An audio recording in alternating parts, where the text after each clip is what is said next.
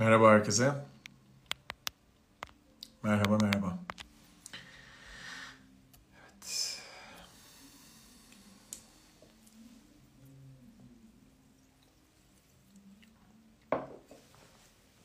Hoş geldiniz merhaba.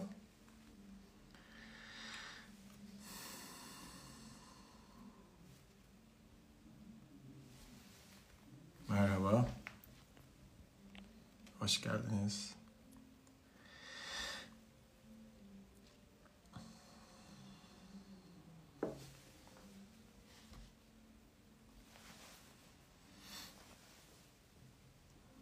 Merhaba.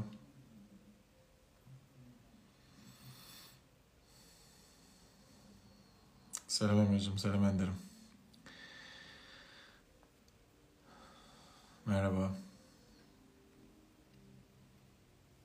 O kimler kimler geliyor bu akşam.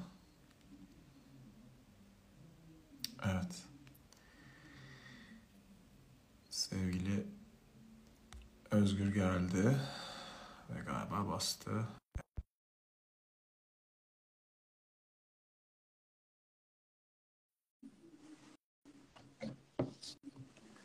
Merhaba. Bir daha basalım. Evet. Selam. Merhaba. İyi akşamlar. İyi akşamlar. Sesim geliyor mu? Geliyor, geliyor. Benimki nasıl? Gayet iyi. Gayet iyi. Ne haber? Şükür. Son derece maceralı bir e, hafta. günün sonunda. Evet, hem hafta hem gün. Gerçekten e, her hafta şey konular buluyoruz. E, bu hafta da öyle geçti ama verimliydi. Verimliydi. Siz Çok- nasıl? İyi, iyi şükür. Şey astrologlar Jüpiter etkisi falan diyorlar böyle bu aralar çok. Jüpiter etkisi diye bir şey varmış. Ben ne olduğunu bilmiyorum onun ama hani özellikle bu ara ciddi bir etkiler metkiler bir şeyler. Zaten şey yani böyle çok e, dalgalanmaların içinde ne kadar dengeyi yakalarsam ben veya herkes buna göre o kadar kaliteli yaşayacağız ama gerçekten kolay zamanlar değil sanki ortalamaya bakınca. Senin görüntün gitti. Duyabiliyor musun beni? Bakalım.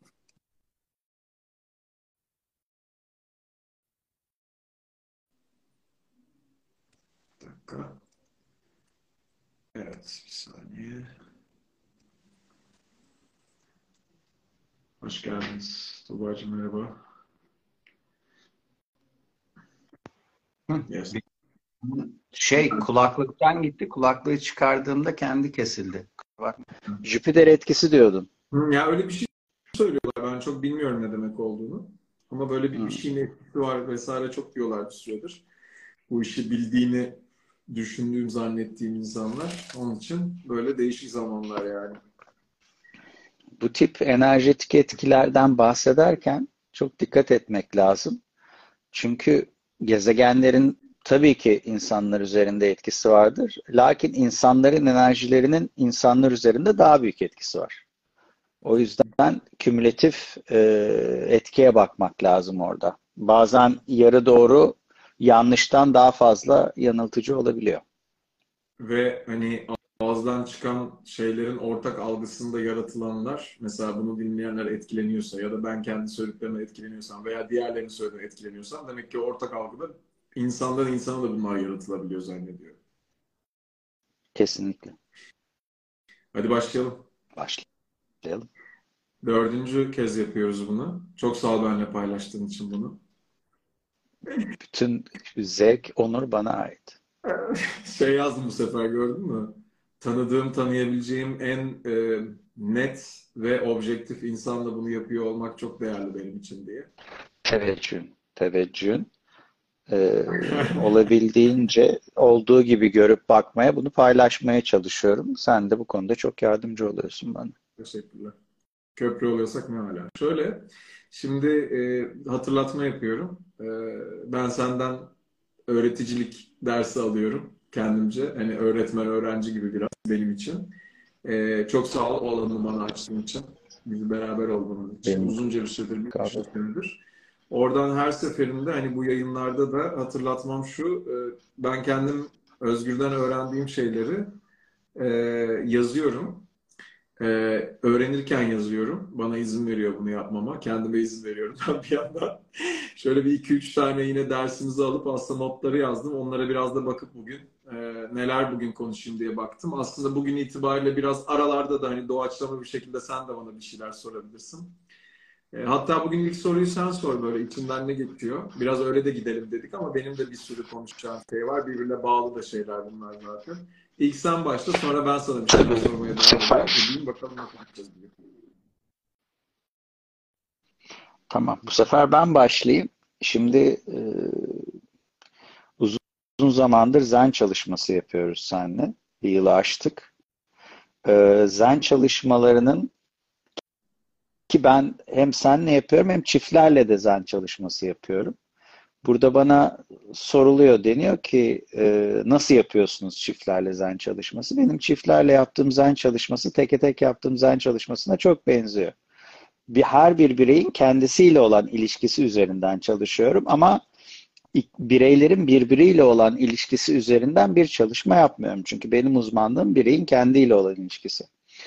Hep e, merak ediyorum senin gözünden, uzmanlığı romantik ilişki olan senin gözünden bu zen çalışmaları romantik ilişkilerde, ikili ilişkilerde nasıl bir fayda sağlıyor, nasıl bir etkisi oluyor? Şimdi ben yeni bir video çekeceğim birkaç gün içinde. Ee, onu da şöyle anlatacağım. Aslında biraz duygusal zekaya bağlayacağım bunu. Duygusal zeka kavramının temelinde aslında dört tane ana madde var.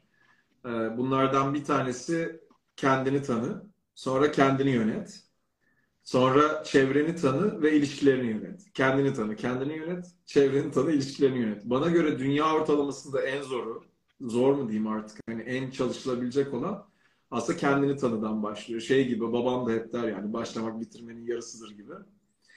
Ee, Zen biraz böyle İngilizcesi benim için şey böyle hani without effort, without intention gibi bir şey aslında. Yani çok fazla ekstra efor koymadan, çok fazla ekstradan niyetler şaşmadan e, senin de söylediğin gibi bireyin kendisiyle ilişkisi. E, ben de sana daha önceki yayınlarda söylediğim gibi ne kadar Yunus Bey yerine Yunus olabiliyorsam kendimle, Yunus Bey'i unutarak değil ama e, o kadar e, yol alabiliyorum ben ikili ilişkileri hani bugün belki ikili ilişkilerden de bir soru sorarım dediğimde aslında şeyi düşündüm çok net bir şekilde. İkili ilişkilerin sallanmaması çok değerli bence. Aslında birey olarak benim benle kendim ilişkimdeki o dengedeki sallanmamam çok değerli. Çünkü birisiyle paylaşınca sanki başka biriymiş gibi biriyle paylaşınca hayatı sallanmak ne demek bana göre?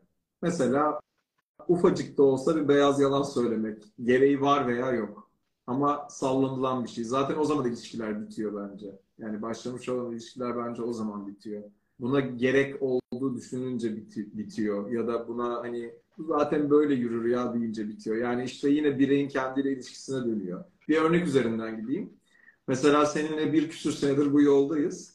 Ee, yaklaşık e, belki 9-10 ay önce bir gün bir dersimizde, seansımızda neyse ben böyle bir laf ettim. Şu anda bunu paylaşmayacağım burada. İşte sen bana bir şey söyledin hatırlıyorsun. Dur. Ben de dedim ki öyle değil ama dedim. Öyle bir araya girdim bir şey yaptım böyle.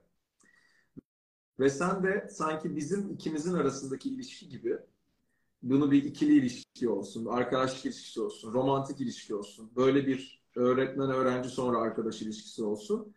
Sen anında o anda bir tepki göstererek değil ama kendi durduğun yeri bilerek sınırlarını bilerek, değerlerinin farkında olarak böyle bir öğrenci öğretmen ilişkisi de varsa ben bunu böyle yapamam, bunu böyle yapmayacağım sınırını koyduğunda ben orada sallanmaya devam etseydim, ulan beni seven böyle sevsin deseydim zaten o ilişkinin devam etmeyeceği gibi ekstradan bir hani ortaya efor koyduğum yerde sen ikimizin ilişkisinde aslında sınırını koyduğunda hani merak edenler varsa bir örnek vereyim. İşte Diyelim ki Özgür bana dedi ki Zen master'ım hocam dedi ki bana e, bak böyle dedikleri zaman Yunus seni şöyle görüyorlar dediğinde sen bana ben de dedim ki bir sene önce ya kardeşim öyle görüyorlarsa da görüyorlar sen de böyle diyorsan böylesin falan gibi bir laf ettim diyelim kibirimle. Sen de dedin ki ben bu şekilde bu dersi yapamam.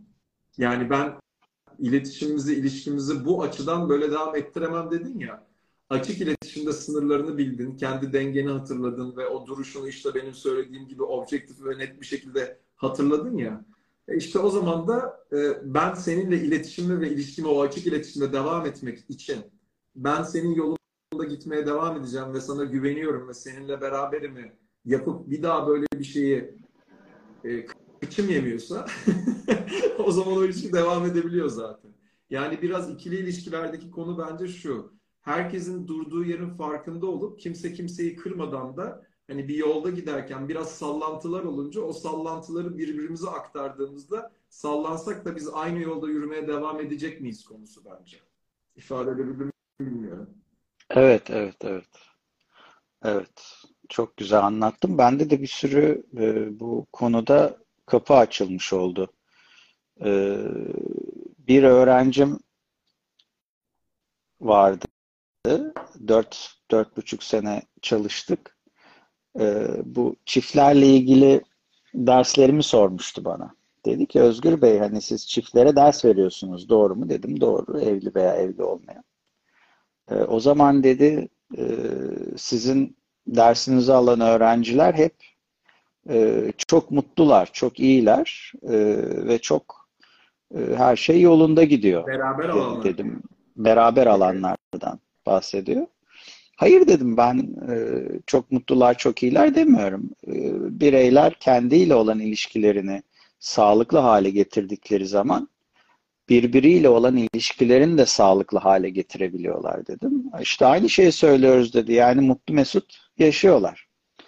Ee, ben de demiştim ki e, sağlıklı olan bazen beraber olmaktır ama sağlıklı olan bazen o ilişkinin gitmeyeceğini anlayıp ayrılmaktır. Benim çok beraber çalıştığım e, çiftler de ayrılmışlardır. İşin enteresan tarafı bu cevabı zaten bilen bir öğrenciydi ve benim tepkimi merak etmek için böyle bir şey sormuştu. Tabii çalışmaların ilk birkaç dersiydi ve içindeki bazı konulardan dolayı e, karşısındakini göremiyordu. Ben de e, bunu normal karşılamıştım. Sonra tabii farklı şekilde anlattım.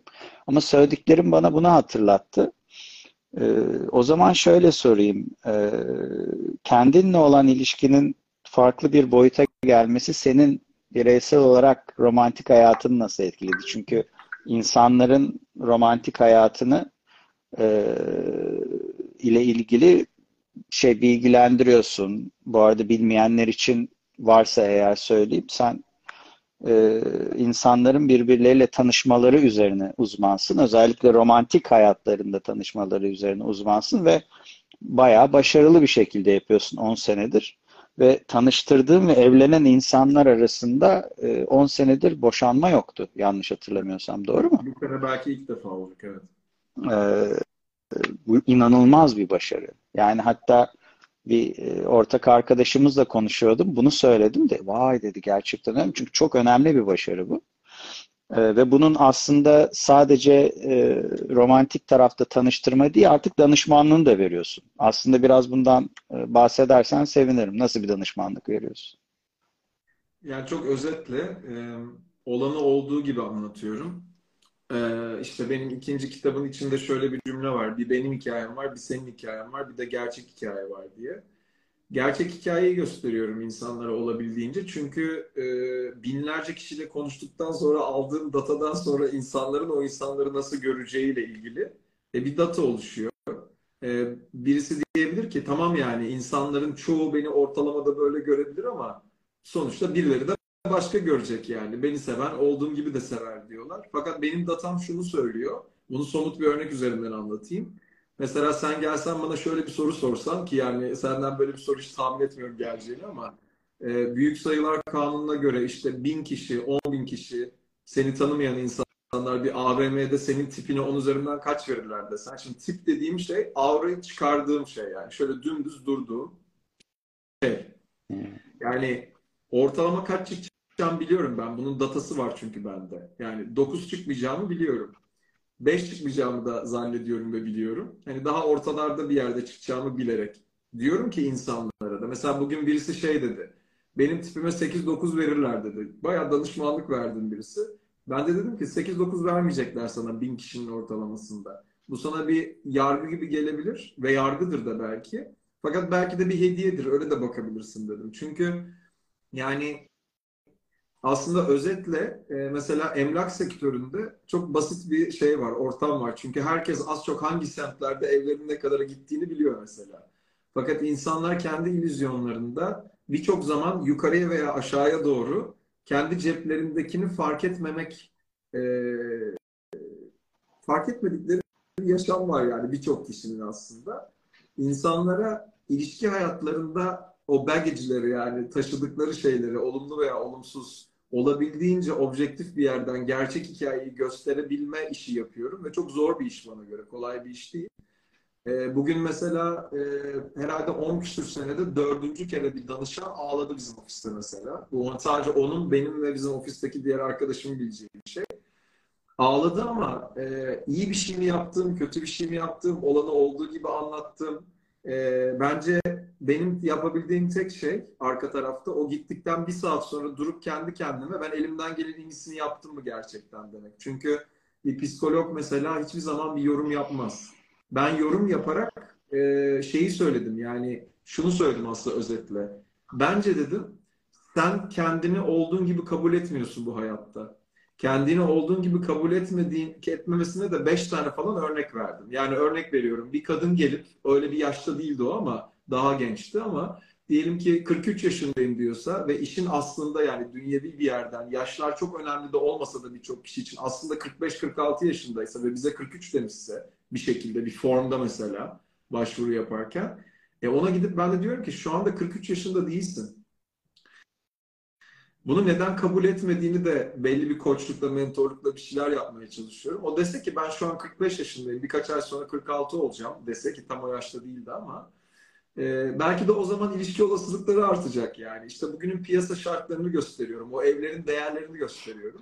E, ama e, işte seninle mesela benim de sana sormak istediğim şey biraz buradan başlıyor bugün. Yani e, biraz bir terapistlerle, psikologlarla veya bu tarz işler yapan insanlarla konuşulduğunda e, birileri senin için bir şey yapıyorsa ya da ben bugün o kadın için bir şey yaptığımı zannediyorsam zaten yanılgı içerisindeyim. Ben ancak aynı olabilirim. Yani benim aynı olmama gelmiştir o aslında. E, umuyorum bunu yapabiliyorumdur ama hani birilerinin mesela destekle yardım arasındaki fark nedir sence? Güzel soru.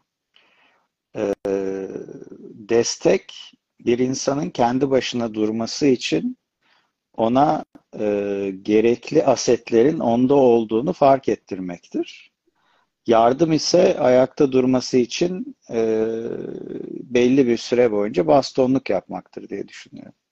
Çok net yani. Benim için de öyle. Olabildiğince ben insanlara yardım etmek yerine destek veriyorsam ne hala. Bugün mesela ağlayan kişiye Bence ben sonuna kadar destek verdim. Daha önce yardım ettiğim kişiler de oldu. Benim de yolculuğum en azından kendi hayatıma dokunurken, bireyin kendiyle ilişkisinde şu anda olabildiğince kendime destek olmak. Yani mesela sen bana senden hizmet alan biri olarak, senden danışmanlık alan biri olarak diyorsun ki şu saatte de beni şu hafta içi de hafta sonunda şu saatte arayabilirsin diyorsun ki senin bir ailen var. Çok saygı duyduğum. Sen varsın zaten.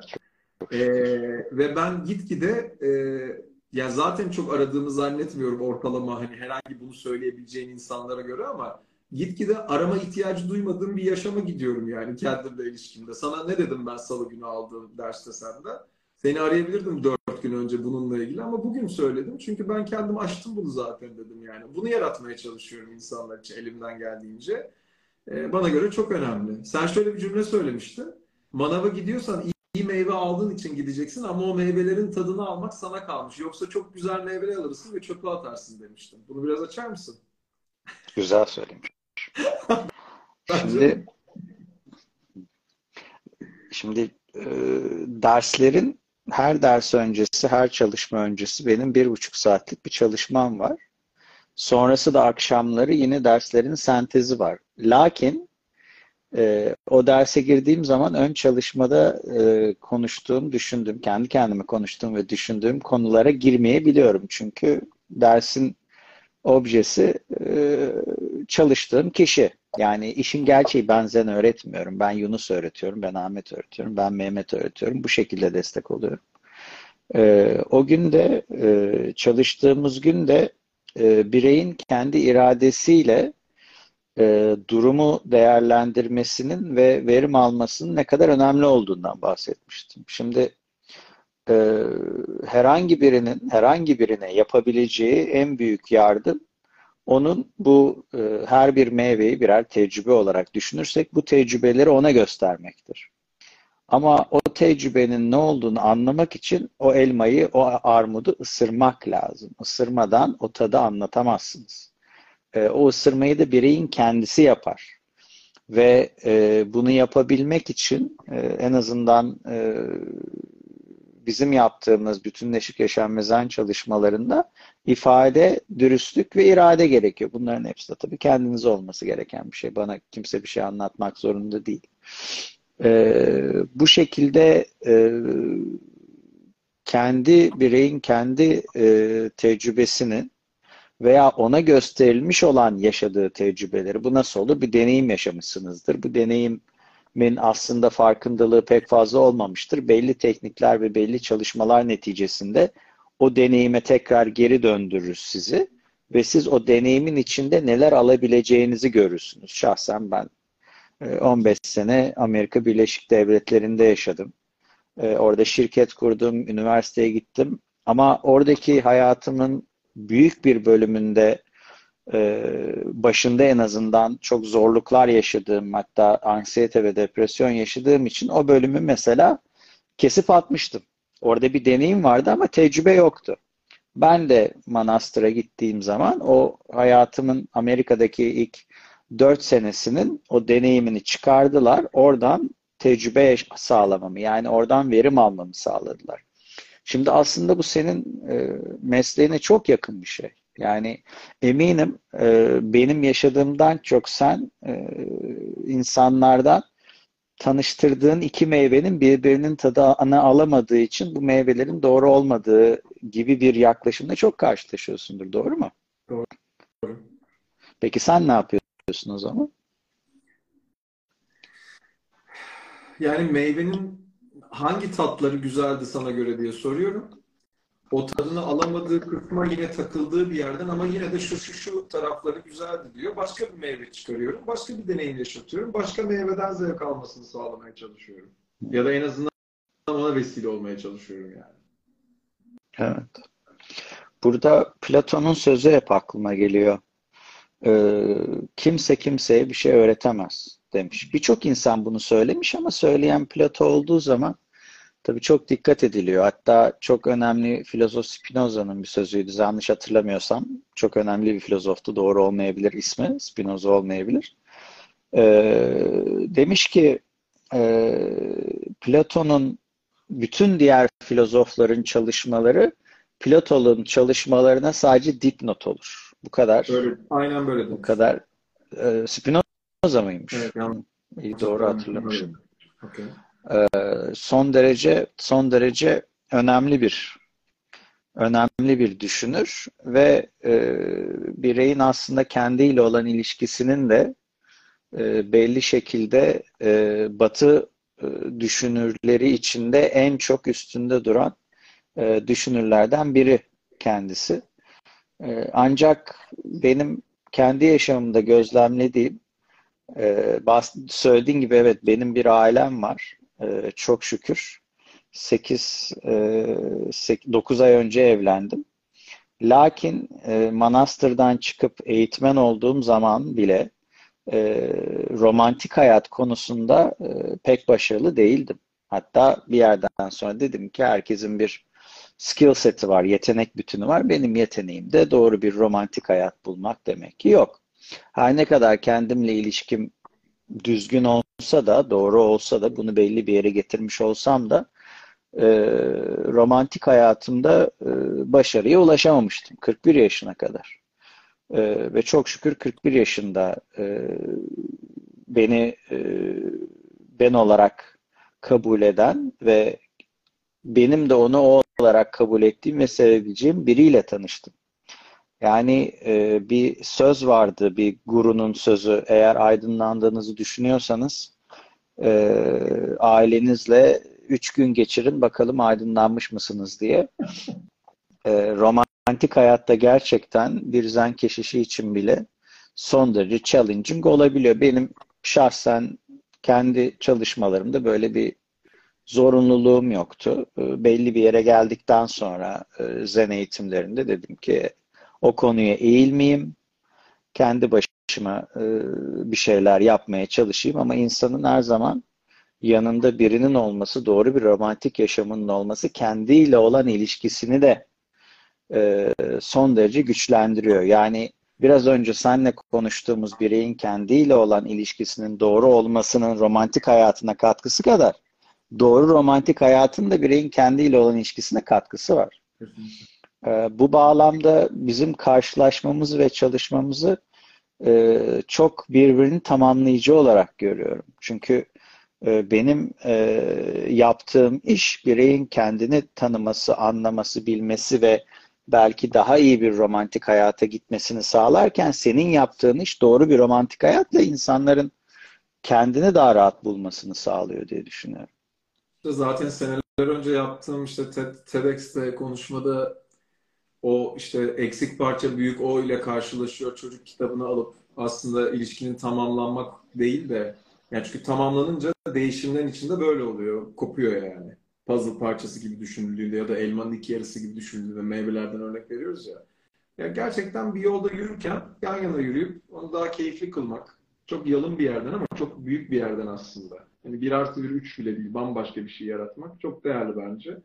Demin söylediğin şeylerde de bu arada çok enteresan. Birkaç dakika önce bu meyveden sonra benim aldığım notlarda e, şöyle bir cümle vardı. İşte bazı insanın bilgisi vardır ama iradesi yoktur. Ne yapacağını bilir ama yapamaz. Bazısının iradesi vardır ama bilgisi yoktur demişti. Bunu dengeleyenler kendilerine, kendilerine olan yolculuğu daha doğru yaparlar gibi bir cümlen vardı. Bir sene önce bana yani aldığım notlardan baktığımda. Ee, her şey dengeye gidiyor. Her şey alma verme dengesine gidiyor. Ya da bana sorduğun soruda o kendi sınırlarını bilmek ya da olabildiğince böyle gerçekten kendi değerlerinin farkında olmakla ilgili bir şey aslında. Ee, ben de değişiyorum, dönüşüyorum tabii ki şahıs olarak. Ve o, ona istinaden de daha farklı davranıp daha doğru dokunmak için insanlar hayatına en azından bir yoldayım. Yani o yolda olduğumu bilmek benim için değerli. Her şeyi süper falan yaptım yok. Öyle bir dünya yok zaten. Bir de şey konusuna gireceğim mümkünse.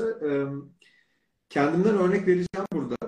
Kim olduğunu söylemeden. Senden bir yorum rica edeceğim. Aslında ben bütün bu çalışmalarımızda şeyi gördüm bu kadar süre içinde bazı şeyleri popomun yemeye başlamasıyla bir şeyler değişti benim kabul etmekle. Ya da mesela insanlar işte bu videoları çekmeden önce de sonra da beni çok böyle kendine güvenen bir adam gibi görüyor kendi imajımdan genelde. Halbuki ben ne kadar kendime o kadar da güvenmeyen bir yandan bir adam olduğumu kabul ettim. Sebebi de şu.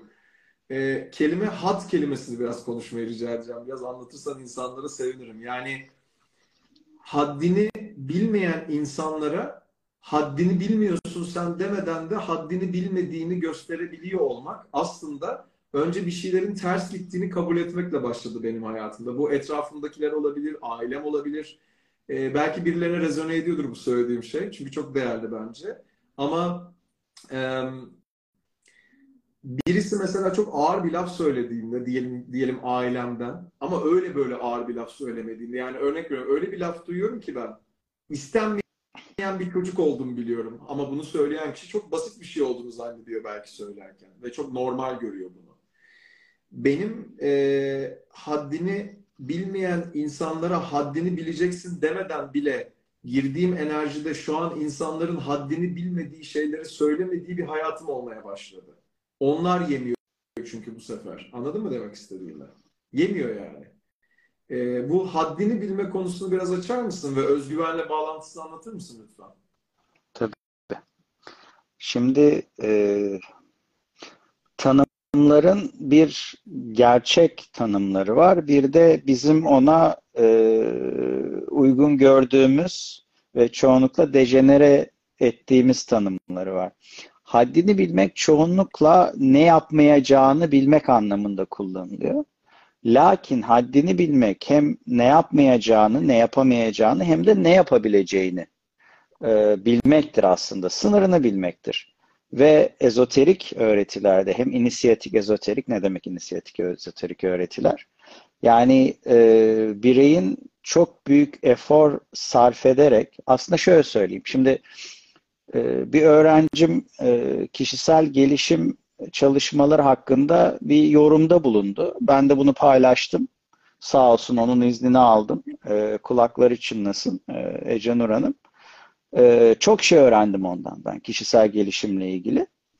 E, öğrencim çok şaşırdı bu kadar öğrendiğime. Sebebi de şu, ben hiçbir kişisel gelişim çalışmasına katılmadım. Ben e, belli işte ezoterik çalışmalara katıldım. Bunlar e, belli direkt fiziksel olarak gidip belli çalışmalar, belli derneklerle yapılmış çalışmalardı. Bir Zen Manastırı'ydı, bir e, Parapsikoloji Derneği'ydi, bir Teozofi Cemiyeti'ydi, bir Antropozofi Cemiyeti'ydi. Bunların hepsi inisiyatik ezoterik çalışmalardır. Yani bir şey, bir e, içrek bilgiyi almak için belli şartlar içinde, kurallar içinde kendinizden e, kendi önceliğinizi, kendinizi tanımak olarak belirlediğiniz e, çalışmalardır. Çok ciddi çalışmalardır bunlar. Yani e, o yüzden çok verim verir. Benim bizim yaptığımız bütünleşik yaşam ve zen çalışmasında bireyler aldıkları verim üzerinden değerlendikleri aldıkları çalışmaları aldıkları verim üzerinden değerlendirmelerini rica ediyorum. Çok verim alıyorlar ve çok şaşırıyorlar. Ben de diyorum ki zaten verim almanız lazım bu tip çalışmalardan.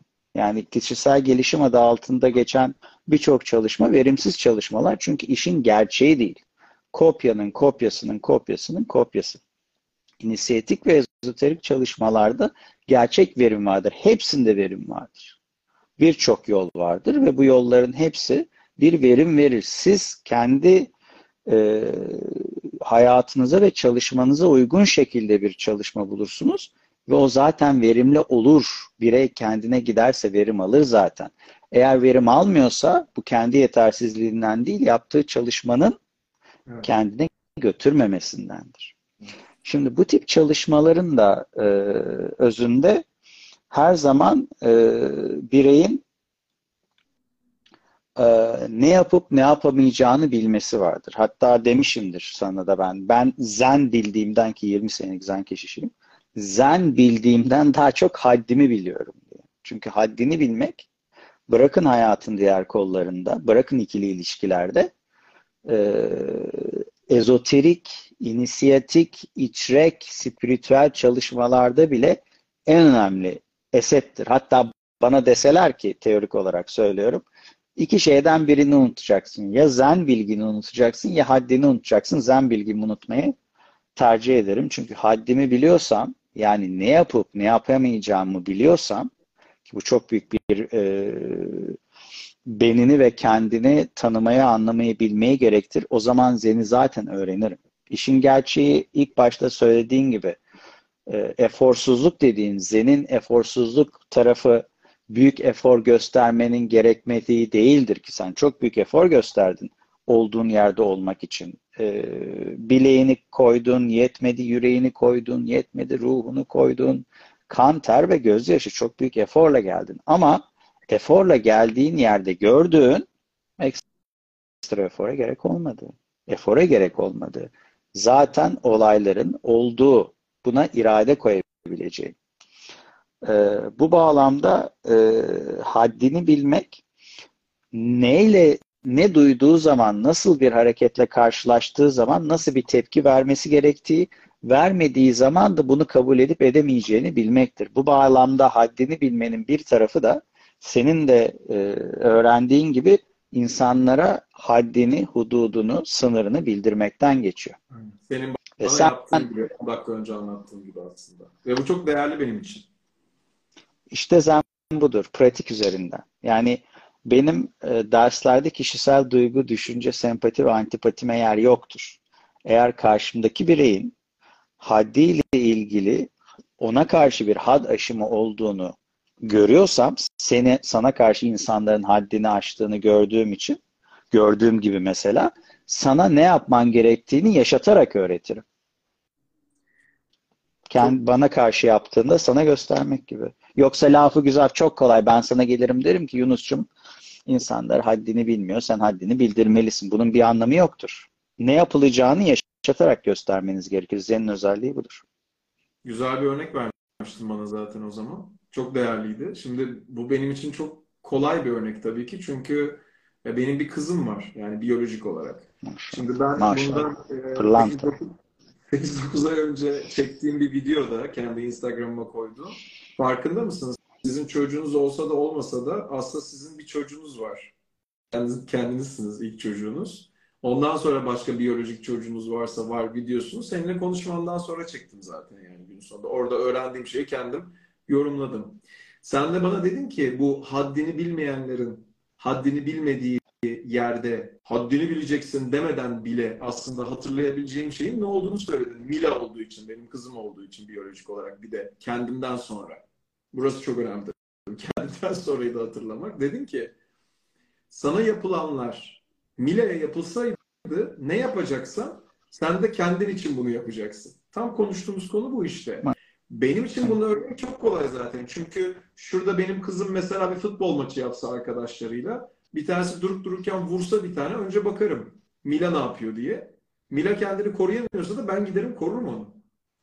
İşte onu ona yapacaksam ve yapıyorsam o zaman da ben bunu kendim de haddini bilmeyenlere nasıl yapıyorsam hayatım öyle değişiyor. Zaten e, bunu konuştuğumuzdan beri haddini kimse aşamıyor. Kimse. Haddini aşan, aşan çok aşan biri varsa mesela ailemde yok yani benim hayatımda şu anda diyelim ki. O kadar haddini aşamayacak kimse yani zaten. Ee, benim dünyamda haddini aşamayacak gibi bir şeyden öte genel geçer kurallar falan da değil yani. Baya benim yaşadığım dünyayı da aslında toplum kurallarıyla da değil. Ben elimden gelen en iyisini yaptığımı kendim biliyorsam, kendi dengemde Yunus olarak, Yunus Bey olarak neyse gerekiyorsa Yunus Bey'imi de Mila'yı koruduğum gibi koruyacağım. Bunu öğrendim yani senden. İnsanların şu anda bunu dinleyenlerin kendi isimlerini bey hanım nasıl duyacaklarsa hani Yunus Yunus Bey gibi o bey tarafını ya da hanım tarafını e, koruması açısından söylediğim şeyi bir tık daha açar mısın? Yani belki bir imaj o Yunus Bey ama onu bile korumanın önemini biraz açar mısın lütfen? Tabii. Şimdi Yunus Bey dediğimiz, Özgür Bey dediğimiz ben yani ego. Bu ego ben, ego latincesi ben Türkçesi. Ee, bu ben sabah kalktığım zaman ben Yunus değilim, ben özgürüm diyen şey.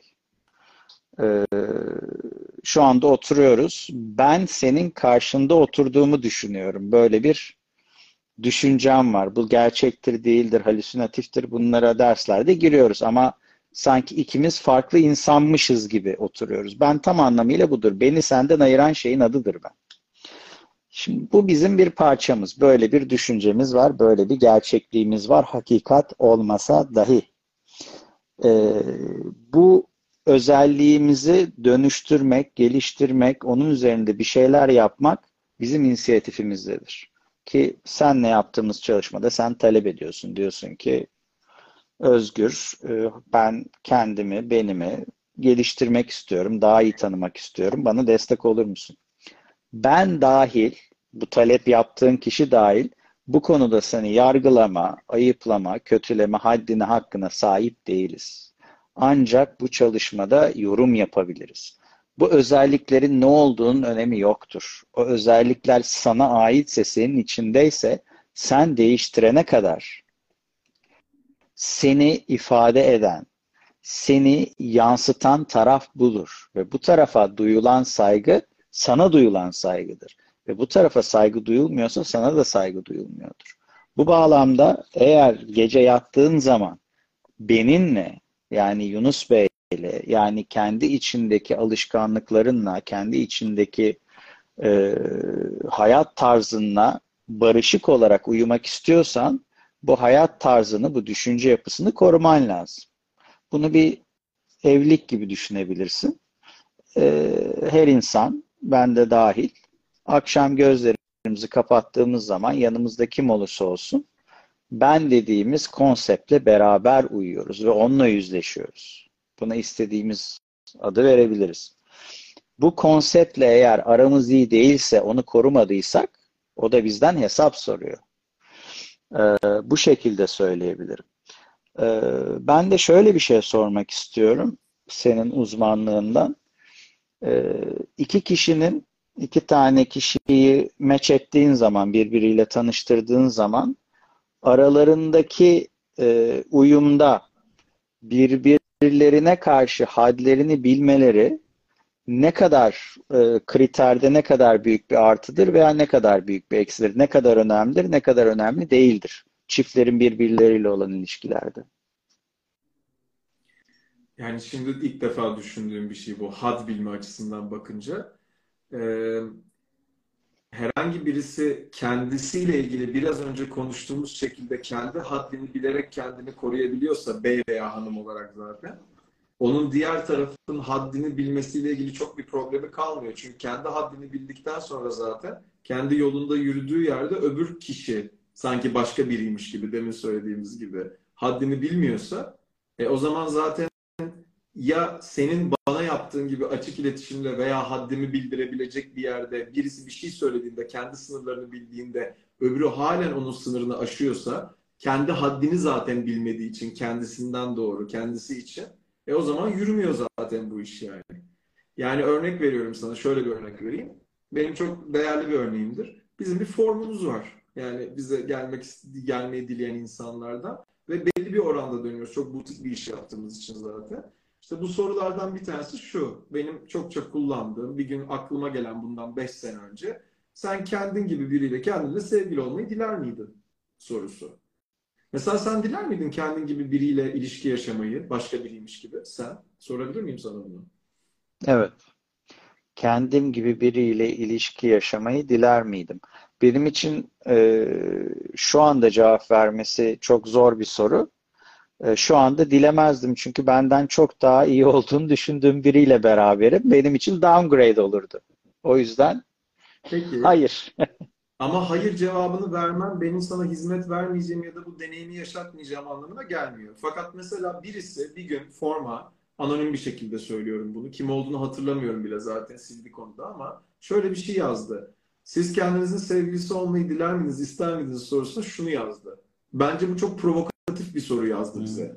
Tamam mı? Sadece o soruya. Bir sürü sorunun yanında. Şimdi mesela senin gibi cevap veren benim diyelim ki daha önceki benim beraber olduğum kişi böyle olduğu için şu an buna hayır diyorum diyen veya evet isterdim diyen veya bilmiyorum bazen evet bazen hayır diyen kişiye mi bunu deneyimletmek yoksa bu bence çok provokatif bir soru diyen kişiye mi deneyimletmek tarafında bir seçim yapıyorum ben ve bu çok provokatif bir soru bence diyen kişinin haddini bilmediği yerde bana göre onun haddini ona gösterme enerjisini ortaya koymuyorum. O bana başka bir form yazıp ben size böyle bir şey demiştim ama şu anda buna böyle bir cevap veriyorum diyene kadar mesela. Şimdi ilk başta konuştuğumuz konu geldi aklıma. Hani insan çok güzel bir şekilde anlattın. Hatta bana sordukları zaman da ben de böyle anlatıyorum senin yaptığın işi. Bir bu bir yani bir şey var. Hani nasıl emlakta bir değer var. Ee, bir bir insanların e, romantik ilişkilerinde de biçilen bir değer var. Doğru. Bir insanın kendi bu değerini bilmemesi ve dışarıdan nasıl göründüğünü bilmemesi bir seksenlik bir kişinin kendini bir elli zannetmesi gibi devamlı kafasını çarpıyor. Ve diyor ki niye bana duvar vuruyor? Aslında hangi boyda olduğunu fark etse duvar ona vurmayacak. Çünkü şöyle bir eğilecek kafasını çarpmayacak. Aslında burada da bir sınır bilme var galiba. Yani ben işte 6 iken 8'im, 8 iken 9'um çünkü e, senin de bildiğin gibi e, aura dışındaki mesela tipten bahsettiğin zaman bunun bir matematiği var. Yani insanın gözüne hoş gelen tabi toplumlar antropolojik bir konu ayrıca. Toplumlar e, seneler, yüz seneler, bin seneler içinde ilerledikçe güzellik standartları da değişmiştir ama belli başlı bazı e, durumlar var.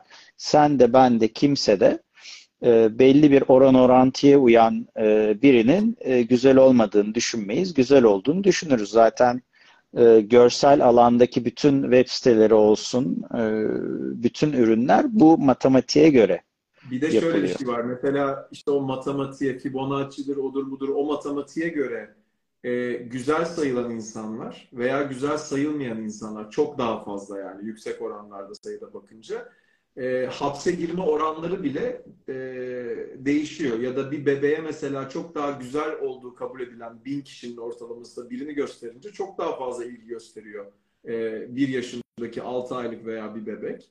Veya mesela hapis cezası çok daha az alıyor güzel insanlar. Yani böyle bir gerçeklik var. E, insanların hoşuna gitse de gitmese de böyle bir şey var yani. Şimdi işin enteresan tarafı sen insanları diyorsun ki bu bir kriterdir. İnsanlar sana diyor ki ama tek kriter değildir. Sen de diyorsun ki ben tek kriterdir demiyorum ki bu bir kriterdir. Evet. Yok yok tek kriter değildir diyorlar. İşte burada tek kriter görmekle kriter olduğunu fark etmemek arasında çok önemli bir çizgi var. Ee, bunu ezoterizmde de yaşıyoruz. Ben bir sınırdır. Sadece ben benim, ben sadece benimden, egomdan e, oluşmuş biriyim dersen bu başka bir şeydir. Benim de benim bir parçam, ona göre hareket edeceğim dersen işte bu haddini bilmektir. Şöyle bir örnek verebilirim daha anlaşılır olsun diye senin bana sorduğun soruya da. Ee, örnek veriyorum. Burada katılımcılardan herhangi bir tanesi şu anda dinleyenlerden örnek veriyorum. Ee, onun hayatında biri var diyelim ki ben biliyorum ama diyelim ki Hakan diye biri var tamam mı? Hakan şu an benim yanımda dursa ben Hakan'la mesela bir, bir saat, bir buçuk saat kendi sorularımı soruyor olsam, onu olabildiğince tanıyıp belli notlar alsam ve Hakan'la biz yan yana dursak ve önümüze 100 tane kadın gelse, Hakan kadınlardan hoşlandığı için, öyle olduğunu zannettiğim ve bildiğim için söylüyorum. Ben Hakan'a diyebilirim ki, mesela bunun 6 ay önce hayatımda biri yokken diyebilirim ki, Hakan bu 100 kadından sence hangi 3 tanesi sana olur desem ya da 5 tane diyeyim. Hangi 5 tanesi sana olur desem. Diyelim ki o kadınlarda birer dakika kendilerinden bahsediyorlar. iki seansta 50'şer dakikada. Kendilerinden bahsediyorlar. Hakan da elinde kalem kağıt not alıyor. Ben de alıyorum. İlişkisi, ilişkiyle ilgili sorduğun soruda insanların uzun ve güzel bir ilişki yaşayabileceği ve kabul de olacağı en değerli şey kendilerini yine bu konuşmanın özünde konuştuğumuz gibi kendini bilmekten gelen yer şu. Hakan belki de bu beş kadın bana olur diye bakacak o yüz kişiden. Ama ben neye bakıyorum? Hakan'a hangi beş kadın olur da o, o hangi beş kadın Hakan'ı ister bir de diye bakıyorum. O ikinci insanlar düşünmeyi istemiyorlar. Yani emlak piyasasından örnek verdik bugün. Evler de insanları istiyorlar. Yoksa evlerin boruları patlıyor, bir şeyler oluyor yani. Evlerin de enerjilerinde, evler de insanları Kesinlikle. diyorlar. Ben de en önemli konu bunun bir kesişim kümesi olduğunu hatırlamak ya da kendime gömerek vereyim. Bana göre çok değerli bir örnek. Ben avukatlığı bırakıp Tenkap gibi bir şey kurduğum için bir sürü kadın benimle olmak istemeyecek. Bu bir gerçek. Bende bunun datası var. Ama ben bu toplumda avukatlık yapmaya devam etseydim 14-15 senedir, şimdi yeşil pasaportum çıkacak, devam etseydim e, o zaman hiçbir kadın yani yüzde 99 küsur hiçbir kadın gelip bana ben Yunus senin, yani ben Yunus gibi bir adamla olmak istemezdim demeyecekti bence. Çünkü o kabul edilen bir iş zaten orada. Bu gerçekliği ben biliyorum zaten. Burada önemli olan, burası çok önemli işte, benim buna dair yaklaşımım. Yani aman canım yani ben de böyle bir kurdum, beni seven böyle sevsin enerjisinde miyim ben enerji olarak? Yoksa ben bunun farkındayım. Yani 10 üzerinden 9-9,5 almayacağımın farkındayım tip olarak.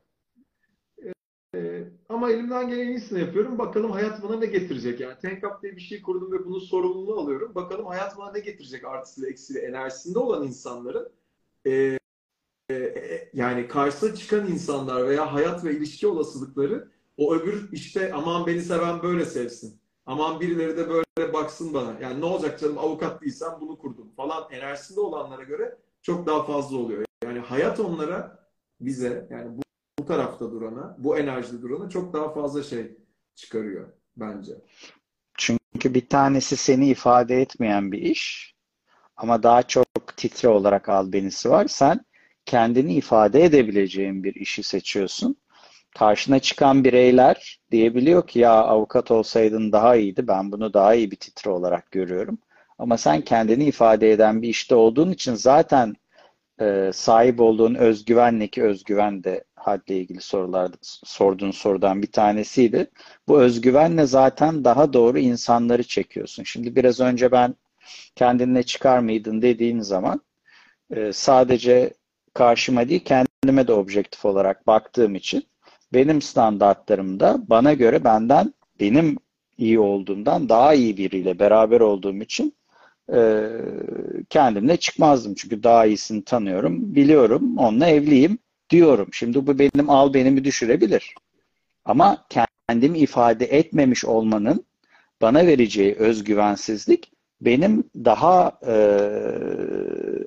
zor bir şekilde kendimi ifade etmemi sağlar ve böylece belki de e, bir çalışma yapabileceğim insanlarla beni uzaklaştırır. Aynı senin söylediğin gibi. Şu bıraktığın önüne serilir cümlesi var ya hani benim Atilla'dan duyduğum, çokça kullandığım vesaire ve hani biraz içine girdiğim işte hani bir üçgen çizdiğim, elinden gelen en iyisini yapmak, harekete devam etmek ve şu kısmı çok önemli. Benim kullandığım bir cümle de senin o zaman kullandığın bir cümlenin çok benzediğini gördüm. Yani olmayacak olsa bile bırakmak. Yani demin konuştuğumuz birçok konu buna çıkıyor bence. Yani ben yapıyorsam hareketimi olmayacak olsa bile bırakıyorsam bıraktığım önüme serilecek zaten. Yani sen gerektiği zaman gereken şey konuşulunca tepkisi tahmin ettiğin tepki olmayabilir gibi bir şey demişsin bana. Yani had konusunda ben e, diyelim ki haddini bildirmeye çalışarak bile değil ama kendi haddimi hatırlayarak ve duracağım yeri bildiğim zaman sonuç almayacak olsam bile haddini bilmeyenler olduğu zaman duracağım yeri fark edersem o zaman zaten ne olacaksa olacak konusu var. Bununla da biraz bağlantılı aslında e, senin haddini benim için bilmeyen insanlarla ilgili bir yorumun vardı. Ben de onu aktaracağım burada. O da şeydi. Hani en zayıf noktaları sensin. Seni çok seviyorlar. Bu aile olabilir, arkadaş olabilir, yakınlar olabilir, iş yaptığın biri olabilir. Senin e, yani e, kaybetme korkusu var onlarda gibi bir şey söylemişti. Ve ondan sonra da bu Bismillahirrahmanirrahim, Bismillahirrahmanirrahim'den bahsetmişti. Rahman ve Rahim'den şu Bismillahirrahmanirrahim'i bir açabilir misin? Rahim ben sen bir konusunu yani. Şimdi e, romantik konularda e, çok fazla nasıl söyleyeyim romantik konular benim hiçbir zaman kuvvetim değildi demiştim ama sevgi konusu e, her zaman çok büyük kuvvetim oldu. Burada Bismillahirrahmanirrahim e, derken Rahman ve Rahim e, Allahu Teala'nın isimlerinden. Rahman sadece Allah'ın sahip olabileceği bir sevgi, onun üzerinden yaşanabilecek bir sevgiyken Rahim insanların e, yaşayabileceği en yüksek sevgi olarak adlandırılıyor. Zaten adı üstünde Rahim en kuvvetlisi de bir annenin çocuğuna olan sevgisi. Sonra işte bir babanın çocuğuna olan sevgisi. Sonra aşk vesaire vesaire geliyor. İşin e, biraz daha ezoterik kısmına gelirsek rahim adı üstünde kadında ikinci şakraya denk geliyor. E, bizde de ikinci şakradır. Dünyasal sevginin e, hissedildiği yer. Rahman ise e, insanda dördüncü şakradır, yürektedir. Ve bu yürekte olan sevgi sadece ve sadece bireyin kendisiyle, ruhuyla, e, yaratıcıyla paylaşabileceği olan sevgidir. Bu e, iki sevgi birbiriyle karşılaştırıldığı zaman hangisinin hangisi olduğu anlaşılabilecek türde sevgilerdir.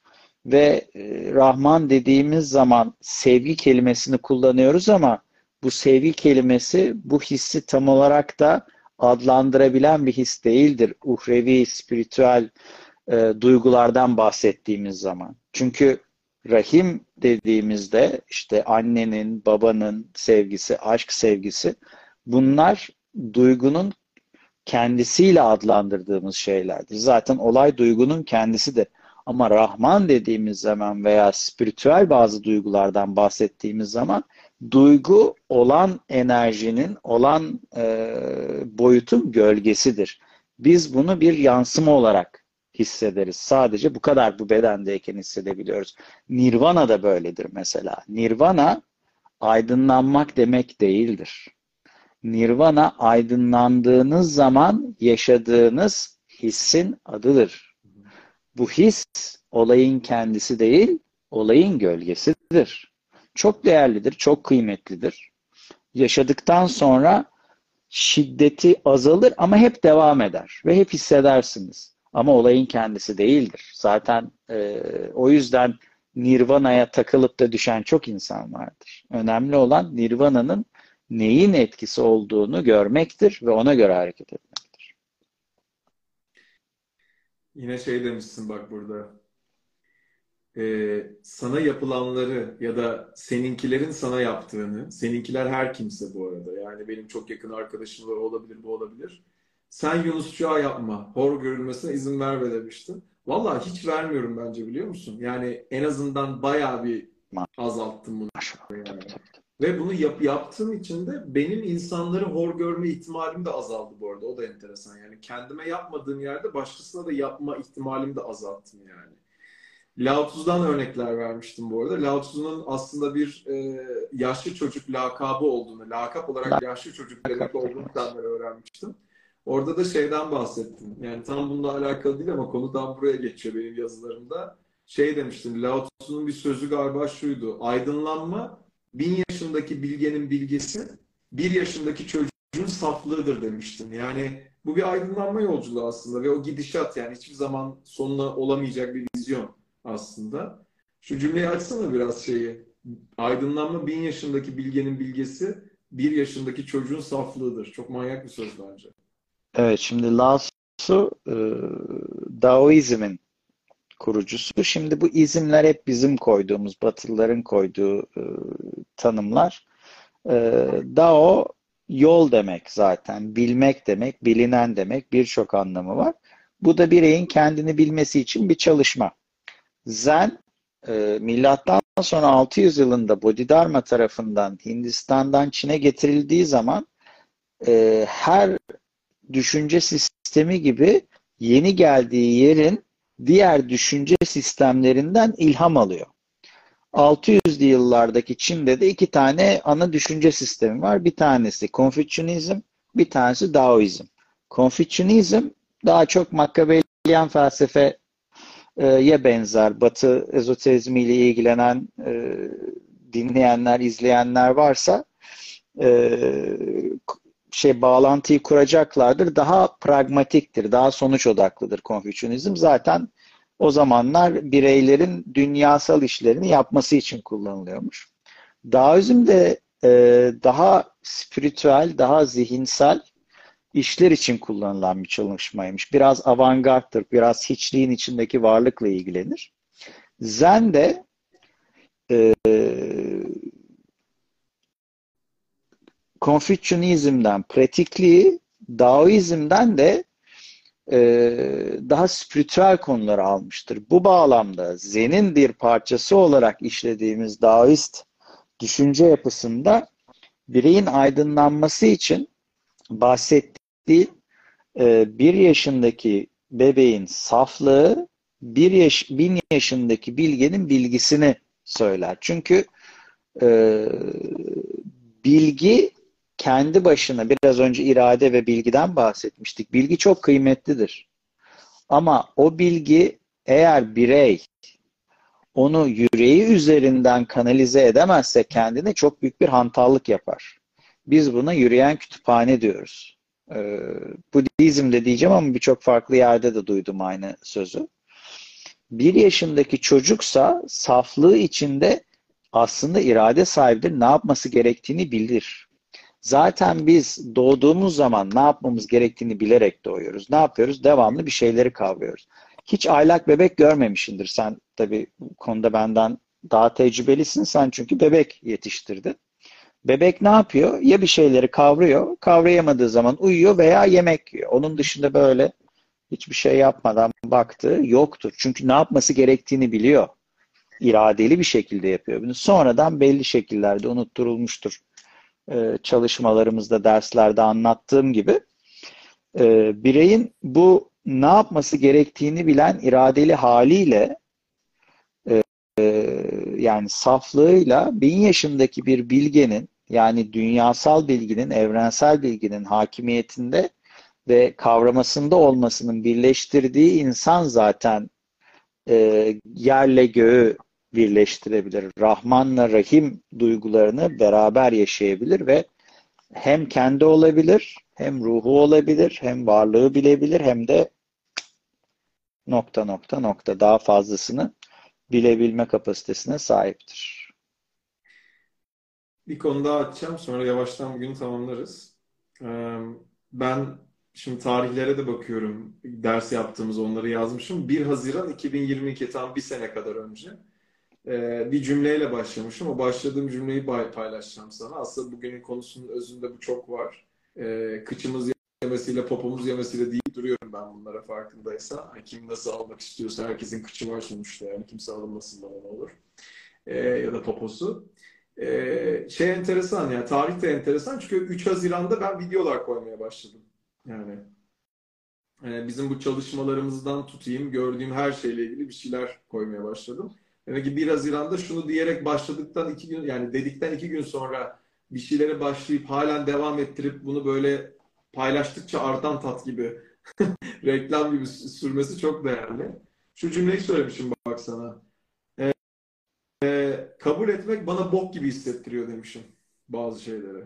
Bugünün özünde bu var. Sen de demişsin ki bu çok, çok sağlıklı bir şey zaten. Çok. ya ver sonra kapatalım bugün. kabul etmek bok gibi hissettiriyor. Bu çok sağlıklı bir şey zaten. Şimdi e, kabul ettiğinle ne yaptın çok önemli. Kabul ettiğine teslim mi oluyorsun? Kabul ettiğine irade mi koyuyorsun? Bayağı irade koydum bence. Yani Aynen. Aynen öyle kabul etmek e, bir deneyimi tecrübe yapan şeydir. Eğer deneyimi kabul etmezseniz o deneyimi üst üste yaşarsınız. E, ben hep söylüyorum e, çünkü biliyorum hani eminim kişisel gelişimci olmadığım için benim böyle mükemmelmiş gibi bir persona yaratmama, maske takmama ve öyleymiş gibi davranmama gerek yok. O yüzden e, olduğum her şeyi söyleyebiliyorum ve eminim sana da ilk derslerde e, benim yaptığım salaklıkları, geçmişte yaptığım salaklıkları daha yapan öğrenci görmediğimi söylemişimdir 12 senede. E, senle başladığımızda 170'ti, şimdi 200'ü aşmıştır. Yaptığım öğrenciler arasında baktığım zaman e, benim kadar hata yapan, salaklık yapan görmedim demişimdir. Bunu söyleyebilmek bunu kabul edebilmek bireyin o hataları tekrar yapmamasını sağlar. Çünkü biraz daha e, net anlatmak adına bir şey ben yedim dediğin zaman yani ben bu kazığı yedim dediğin zaman yediğini kabul ettiğin zaman doyuyorsun. Evet. Doyduğun zaman bir daha yeme ihtiyacı duymuyorsun. Evet. Ama ben yemedim dersen kabul etmezsen yemeye devam ediyorsun. Çünkü ben yemedim diyorsun, bir daha yiyorsun, yemedim diyorsun, bir daha yiyorsun, sonra çatlıyorsun, patlıyorsun. Benim bu şekilde e, ortak kazık yediğim arkadaşlarım var. Yani aynı salaklığı beraber paylaştığım. Arada bir görüşürüz. E, hep söylemişimdir. Ya yedik, yedik. Üstüne de bir su içtik. Çok da güzel yedik bu arada. Gerçekten güzel yedik. Siz dedim kabul etmediğiniz için yediğinizi, çünkü bir e, fikir var. Bir e, mükemmellik fikri var. Bizim çizdiğimiz o spiralin tam tersi e, Ouroboros denilen, Ouroboros denilen e, bir yani, şey var. Bir yani. mükemmellik çemberi var. Bu çemberde olduğumuz için asla hata yaptığımızı kabul edemiyoruz. Zaten sistemde hata yaptığımızı kabul edemediğimiz, etmememizi istiyor ki yedirmeye devam etsin. Birisi şey yazmış. Ee, yiyelim ne olacak ki demiş mesela. Ondan önce de başka bir bakış açısı bizim yeşim şey demiş. Daha benimle tanışmadınız demektir. Kaza yap, yapan en çok sizseniz diyor mesela. Ama mesela şu Tanışmak isterim. yiyelim, yiyelim ne olacak ki demiş birisi mesela. Tam ondan bahsediyordu. Şimdi yani yiyelim no şimdi yiyelim dediğimiz zaman yememizde bir problem yoktur. Hepimiz yiyoruz. Yediklerimizden öğreniyoruz zaten. Maksat yedim diyebilmek ki aynı şeyi bir daha yemeyelim. Çünkü aynı şeyi bir daha yemenin bize bir katkısı yok değişik şeyler yemenin bir katkısı var. Tecrübe anlamında söylüyorum. Ben e, kazık yemiyorum artık demiyorum ki çok azalmıştır. E, lakin bu kazıkları e, yedikçe kazıkların ve hataların ve salaklıkların yerlerini gördüğüm için e, daha farklı şekilde bakabiliyorum. Ve benim e, beraber e, kazık yediğim arkadaşlarım Biz yemedik dedikleri için aynı kazığı yemeye devam ettiler. Ee, bir Gestalt terapisinin çok değerli bir sözü var. Ben çok kullanıyorum. Danışanlarıma da kullanıyorum. Bugün de kullandım hatta işte o ağladığını söylediğim kişiye. Eylemsiz farkındalık pişmanlıktır diye bir cümle var. Nedir bu diyorum insanlara? Eylemsiz farkındalık pişmanlıktır. Eyleme geçmezsen pişman olursun diyorlar genelde. Ben de diyorum ki evet eyleme geçmezsen pişman olursun hatta ötesinde bir şey var bence orada. Sen herhangi bir konuda farkındaysan işte kazık yemek gibi, kaza yapmak gibi ve bu konuda aksiyon almıyorsan artık bilme daha iyi demek zaten. Yani kaza yaptığının bile farkında olma daha iyi demek bence. Kaza olduğunu bile fark etmesin ki zaten Evet. bir şey yapmıyorsa Arap'ta kalacak o zaman demek zaten. Yani e, birey hiç kimse farkında olmak zorunda değildir. Hiç kimse kendi olmak zorunda değildir. E, ki çok şükür bilincin ve bilinçaltının bu konuda bazı mekanizmaları vardır. O yüzden ezoterik inisiyatik öğretilerde talep şartı aranır. Birey kaldıramayacağı yükle karşılaştığı anda olmamış gibi davranır. Evet. Olmamış gibi davranıyorsa böyle durması daha iyidir. O yüzden hiçbir çalışmamda e, son 13 senedir görmek istemeyen birine bir şey göstermeye çalışacak kadar hadsiz olmadı. Ben Bunu tevazudan söylemiyorum. Bugün, bugün bir tık yaptım o hadsizliği zaten. Bir tık yaptım ama sonra da dedim ki eylemsiz farkındalık pişmanlıktır konusunda nerede duracağımı bilmeyi hayal ettiğim bir yerdeyim ama acaba yapabildim mi bilmiyorum. Belki de çok konuştum özür dilerim dedim bugün kişiden mesela. Yapa yapa olur. Ee, gerçekten o kişi için daha iyidir. Ve e, bırak zaten hani sen bana gelip de kendini açtığın zaman seni yargılamaya hakkım haddim yok. Sadece destek olma hakkım var. O da senin verdiğin yere kadardır. Sen yarın dersin ki ben bu hakkı vermiyorum. Ee, e, karar sendedir. Ee, bu minvalde e, hem evrensel etiğe, evrensel hijyene ve evrensel estetiğe uygun olan ki bu evrensel etik, evrensel estetik, evrensel hijyenik bireyin evrensel insan olarak spiritüel kimliğiyle e, evrende kendi olarak ruhuyla beraber var olmasını sağlayan kıstaslardır. Bunların intact kalmasını, bunların e, sağlıklı kalmasını sağlayan görmek istemeyen, görmesinin ona fayda sağlamayacağı insanlara göstermeme, göstermeye çalışmak gibi bir hadsizlik yapmamaktır. O birey için de daha iyidir. Herkesin kendi tekamülü vardır.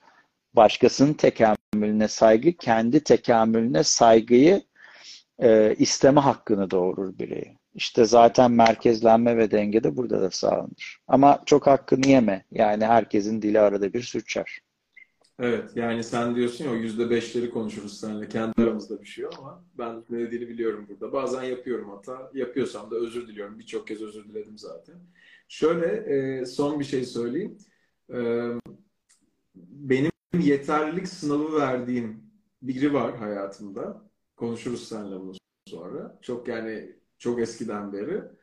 E, yüzlerce şey paylaştım son bir senede. Çünkü durmadan bir şeyler geliyor artık ve akıyor. Ve ben onu paylaşıyorum birçok zaman. Bundan bir oyun bile yarattım biliyorsun ayna diye. Fakat geçenlerde bir cümle geldi. Tam bunun konusu. İlk defa bir kalp yolladı bana kendisi. Cümle de şu. Onunla bitirelim bugün. Kendi yaptığım kazaları başkalarının yapmamasına vesile olmanın keyfini yaşamak çok değerli gibi bir cümle yazdım. Onun için e, sen bu kazaları yapıp bana vesile olduğun için teşekkür ederim. Umuyorum buradan bir şeyler dinleyen kişiler de birçok şey almıştır bugün. Benim için çok e, özeldi. Sağ ol, var ol. Gitgide oturuyor bir şeyler yerine böyle Bil seninle yaptığım mukabele. Bil mukabele. Bence de öyle. Çok keyifliydi. Çok güzeldi. Teşekkür ederim. Çok sağ olun. Sana da Kendinize katılan. iyi bakın. Herkese iyi akşamlar. Güzel günler. Akşamlar. Sevgiler. Bay bay.